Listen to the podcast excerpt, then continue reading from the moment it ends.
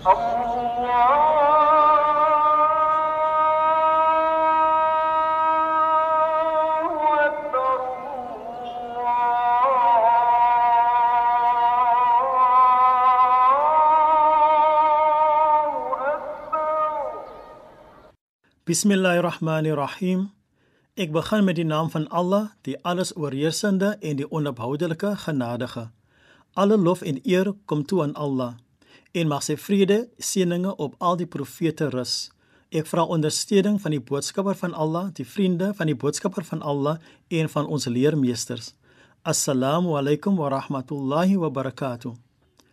Ons het in die verlede gepraat van hoe Allah Azza wa Jalla se genade en liefde vir jou vermeerder soos jy in nederigheid vorder. Jou grootste toets vir jou nederigheid kom in die aangesig van daardie persone wat geen nederigheid besit nie en wat karakterloos optree. Imam Ghazali het gesê dat die toets vir die persoon met 'n husnul khuluq, 'n goeie karakter, is hoe hy of sy die persoon met 'n su'ul khuluq, dit wil sê 'n bose karakter hanteer. Dit is wanneer die foute van die tong, swakheid van die hart en ander swak kenmerke uitgelig word. Daar het 'n insident in die tyd van ons Nabi vrede en sendinge op hom gebeur toe hy en sy boesemvriend Abu Bakr gesit en gesels het.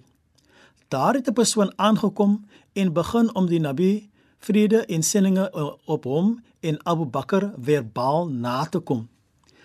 Die Nabi het ouer gewoonte op sy geduldige manier gereageer en die man toegelaat om sy tirade voort te sit. Abu Bakr het gedink hy beskerm die Nabi deur te reageer. Toe Abu Bakr begin reageer, het die Nabi opgestaan en die vertrek verlaat. Abu Bakr was ontstel en het gedink dat hy die Nabi vrede en sendinge op hom te nagekom het. Hy gaan toe na die Nabi en vra vir die Nabi. Nabi Muhammad sê toe vir hom: Terwyl die man aangegaan het, het Allah azawajal 'n engel laat verskyn en die engel het geantwoord op elke stelling van daardie persoon. Toe jy begin reageer, het die engel weggegaan en 'n Satan het verskyn en deelgeneem aan die gesprek. Ek wou nie in die teenwoordigheid van die Satan wees nie. Daarom het ek die vertrek verlaat. Verbeel jou, Allah stuur 'n engel na jou toe om jou teen die aanvalle van jou haters te verdedig. Indien jy dan reageer, kom daar 'n Satan en hits jou aan om die op dieselfde wyse of op erger teenoor daardie persoon op te tree. Daarom sê Nabi Muhammad vrede en seëninge op hom: Krag en mag is nie hoe jy jou teenstander oorrompel nie, maar hoe jy jouself oorrompel. Diegene wat in homself in tye van woede beheer, is in die bestuurder sitplek. Hy dikteer die situasie. Maar wanneer jy reageer, deesdae veral op sosiale media, reageer jy uit jou lae begeertes, soos trots en selfvoldaanheid.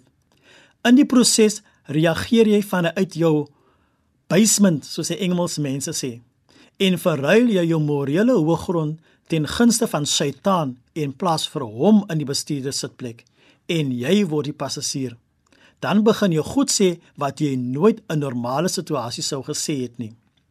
Deur jouself te beheer, deur die engel toe te laat om te reageer ter wille van jou, soos Nabi Muhammad vir ons geleer het, veroorsaak jy dat die Satan sy Satanspulle mors op jou. Maar boonop verloor die Satan hoop om jou uit jou element te kry. Dit is volgens Ibn Ghaim deur toe te laat dat die engele reageer, verhoog Allah jou status.